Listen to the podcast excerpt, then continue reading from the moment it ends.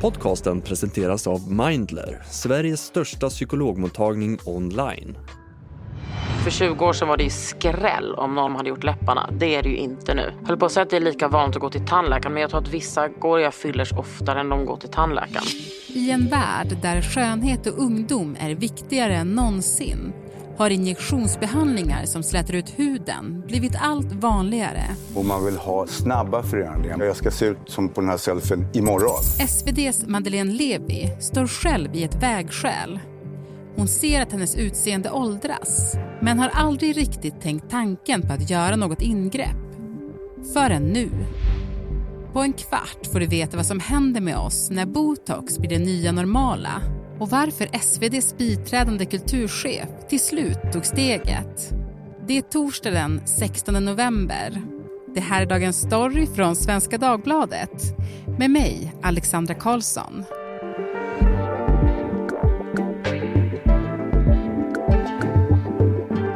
Du, Madeleine. Mm. Jag har förstått det som att det var när allt fler runt omkring dig började göra olika ingrepp som du själv började reflektera mer över ditt eget åldrande. Mm, men precis. Alltså framförallt att så pass många människor omkring mig blev liksom 45 och 50 och 55 och fortfarande liksom såg så himla pigga och släta ut. Mm. Eh, medan en stor grupp också verkligen inte gjorde det. Man åldras ju mycket ändå Mm. när man går in i medelåldern. Och då förstod jag väl mer och mer att det här var ju ingen slump. Utan det handlade ju snarare om att man faktiskt hade gjort någonting åt saken. Och då kände jag att oj, det här är ett val man står inför. Ja, men du har ju skrivit eh, en text om möjligheterna som finns att slippa åldrande utseendemässigt. Och det är ju liksom estetiska injektioner som botox och fillers. Varför vill du skriva om det här? Men jag tror att vi lever i en tid där dels utseende är viktigare än någonsin. Men också där möjligheterna att skapa sitt eget utseende, liksom tänka på sitt utseende som något slags blank canvas att färglägga eller en lerklump som man kan forma hur som helst. Men sen är det ju också så att det här med plastikkirurgi och att faktiskt göra operationer, det är det många som drar sig för. Och möjligheterna växer ju hela tiden att genom icke-kirurgiska behandlingar behålla en del av sin ungdom eller till och med att förändra sitt utseende ganska mycket. Och det där gjorde ändå mig väldigt intresserad. Vad säger det om oss? Vad kommer hända i ett sånt samhälle? Jag tror att det är en stor samhällsförändring. Det är en förändrad syn på relationen mellan ja, men våra jag och våra ansikten och kroppar. Mm. Och du kallar ju den här typen av ingrepp för tweakments, eller det kallas det i texten. Vad betyder det? Det är just de här icke-kirurgiska ingreppen men som ändå är mer avancerade än den hudvård man kan göra hemma. Injektioner är ju det allra vanligaste, botox och fillers. Men det finns också ett antal olika nålbehandlingar, syrabehandlingar, laserbehandlingar som ingår i den här gruppen då med tweakments. Men du, hur skriver man om det här utan att göra en liksom, reklamartikel om botox? Mm. Ja, men det är ju verkligen en jätteviktig fråga. Jag tror att man måste tänka att det här är ett så pass stort samhällsfenomen som kommer att förändra oss så pass mycket. Det liksom blandar sig in i vår privatekonomi till exempel, skapar nya klasskillnader. Att man behöver skildra det lite grann på djupet men också kanske genom forskning, genom sociologi, genom filosofers ögon. Och Det är väl någonstans det jag lite grann har försökt mig på. Mm. För det känns ju verkligen som att det blivit en normalisering kring ingrepp och men, det anses nästan liksom som self-care att göra fillers. Hur har det blivit så? Mm. Det där gäller framförallt en ung generation.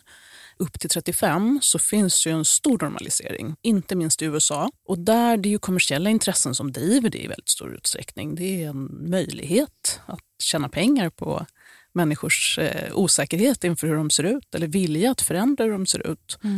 Eh, sociala medier är jätteviktigt. Det har skapats något som kallas för Instagram face som är det här typiska väldigt släta Instagram-ansiktet med liksom mandelformade ögon och en liten smal näsa, stora läppar.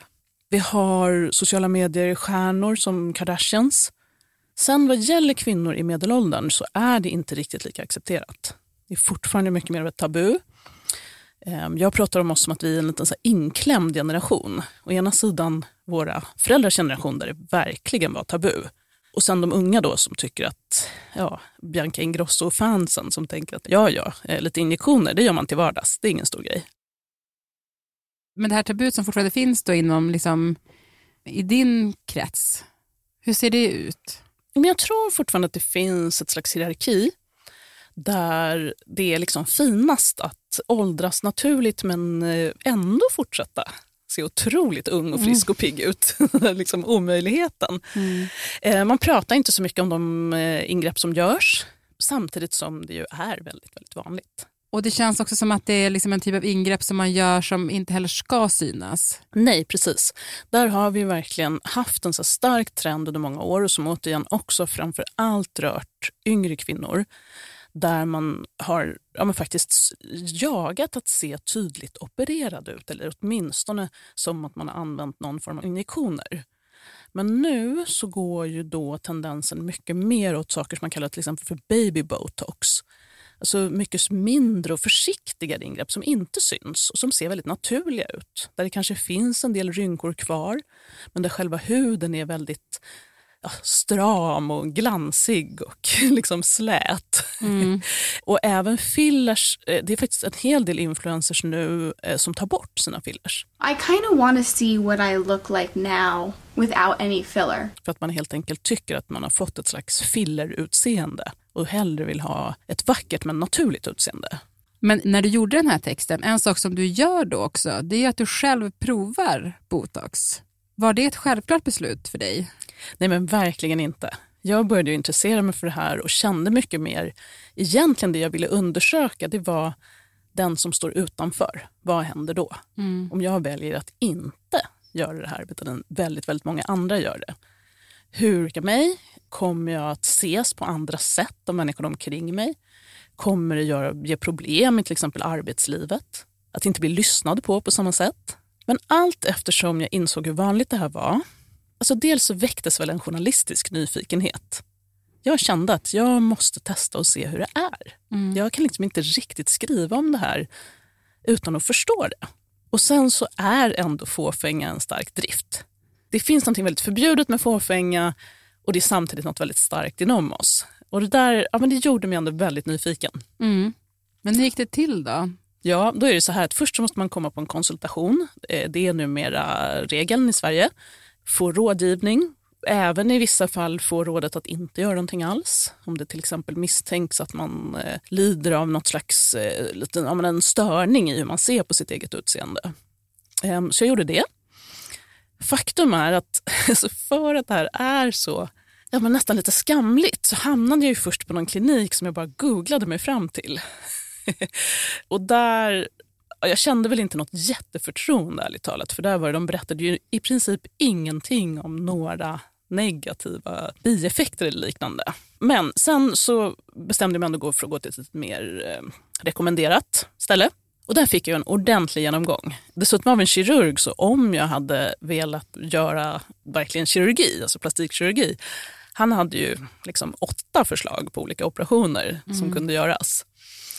Um, det i mitt fall var inte aktuellt. Jag vill mm. absolut inte operera mig. Nej. Men jag tänker bara den, eh, för jag tycker det är så himla intressant när du beskriver liksom i din text hur du går på den här konsultationen om, om man får liksom någon annan betraktar ens liksom ansikte eller kropp på ett sätt som är så här, det här kan du förbättra, det här kan du förbättra. Som man kanske inte ens själv har tänkt på. Det måste ändå vara speciellt. Ja, det var väldigt speciellt. Jag trodde kanske att jag skulle ta illa vid mig eller bli ledsen. Men jag blev inte riktigt det. Jag kände också väldigt starkt, till exempel så när han tittade på min profil så var han så här, ja det finns eh, överflödigt brosk på näsan. Men det vet ju jag, det hade min mamma också. Liksom. Det är någonting som förenar mig med andra människor som jag aldrig skulle vilja ta bort. Mm. Men sen fanns det annat som jag ändå ja, man kunde lyssna på.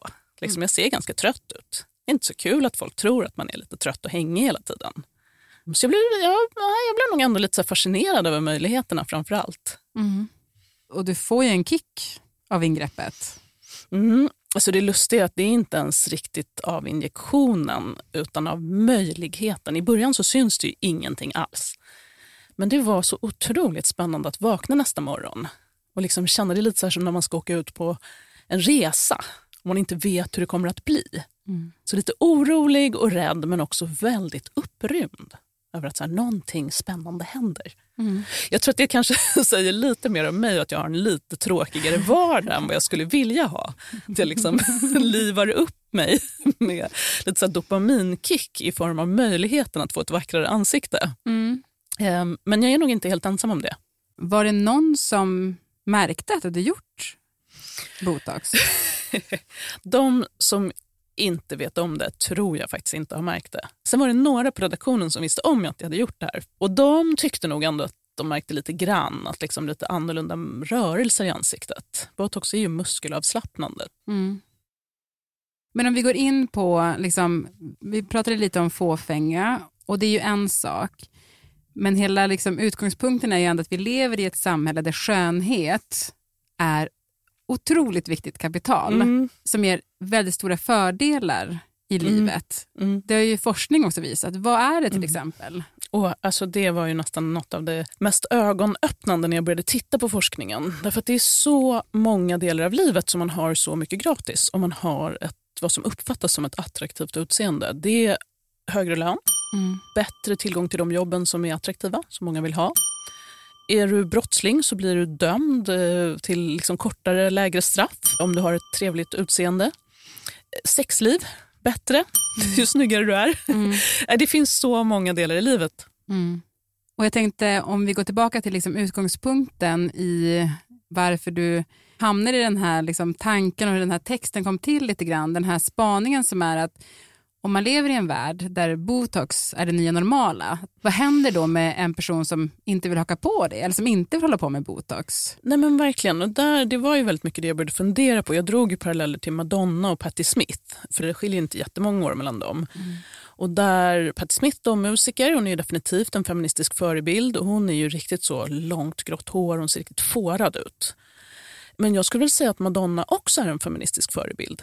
Och hon har ju verkligen valt att skulptera om sig som en staty. Hon är oerhört blank och ser inte längre alls ut som hon gjorde för ett mm. antal år sedan. Mm. Och nu tror jag inte att jag kommer välja någon så radikal väg, men förmodligen kommer jag ligga närmare Patti Smith-hållet. Och det är ju frågan, kommer det ses som ett statement? En protest? Kommer det antas att jag faktiskt är lite gammal och trött fast jag fortfarande inombords har en massa energi och vill göra en massa saker? Mm. Det tror jag ändå att man behöver fundera på. Mm. En annan aspekt av det här som jag tycker var intressant det är att en del personer som forskar kring etik och sociologi de har börjat se att man pratar om skönhet på samma sätt som man pratar om moral. Att skönhet blir nästan en plikt. Någonting man är skyldig sig själv mm. att se till att vara och som man också är skyldig omvärlden. Som någonstans skapar inte bara det här sociala och erotiska kapitalet eller de här fördelarna utan också något slags måste som en fulländad människa ska leva upp till. Och då har det ju verkligen gått ganska långt. Verkligen. Jag tänker ofta att jag inte får öppna dörren till ingrepp mm. för att eh, jag skulle inte kunna sluta. Mm. Ja, men det skulle vara lite som Pandoras ask så väl känner jag mig själv. För det är nog mycket man gör med sitt utseende ändå som tar väldigt mycket tid. Ser du någon risk att du liksom genom den här texten bidrar till utvecklingen att normalisera ingrepp? Mm. Ehm, jag tror ju att på många sätt så är det redan normaliserat. Och som nästan alltid med de här sakerna så kan det leda åt olika håll. Det kan leda till en större tillfredsställelse. Men det finns ju också dysmorfofobi, BDD till exempel, som innebär då en felaktig kroppsuppfattning. Att man stör sig så mycket på delar av sitt utseende att man helt enkelt inte kan leva ett eh, normalt liv. Mm. Och Det här är ju någonting som är överrepresenterat bland människor som ägnar sig åt eh, ingrepp. Så är det verkligen. Och jag, när jag hade använt botoxen, jag ska inte säga att jag på något vis drog åt någon slags psykisk ohälsa, men jag fick en förståelse. Dels för att det fick mig att titta mig så mycket i spegeln mm. mig så mycket om mitt utseende. Jag är inte i vanliga fall någon som gör det, ärligt talat. Jag håller sällan på med några liksom, ansiktskrämer eller an, ja, hårinpackningar eller vad det kan vara. Men med det här så väcktes då det här intresset för utseendet och också ärligt talat när liksom det började släta ut sig kring ögonbrynen då blev det också mer uppenbart hur grå jag var under ögonen. Mm. Och ska man ordna det, då är det en annan typ av behandling. Och börjar man väl släta ut sig under ögonen så finns det halsen och den är också lite hängig. Och, ja, då är det ju verkligen kirurgi som är det enda sättet att ta tag i det. Så jag tycker nog verkligen att jag kunde förstå det här som du pratar om, liksom Pandoras ask som öppnar sig som man kanske vill hålla sluten. Sen ska det sägas att det jag gjorde var ganska lite. Och just nu så känner jag bara att jag kommer inte göra det igen. Men jag braskar ändå lite grann. För kanske är det ändå så att jag i framtiden kommer falla till föga. För den är ju ändå väldigt lockande. Den här idén om att eh, se ung ut på utsidan. Och kanske inte minst om man är lite äldre men fortfarande känner sig ung på insidan. Mm. Tack så jättemycket. Ja, men tack för att jag fick vara med. Och producent idag det var Daniel Sävström och redaktör Maxim Persdotter Wallström.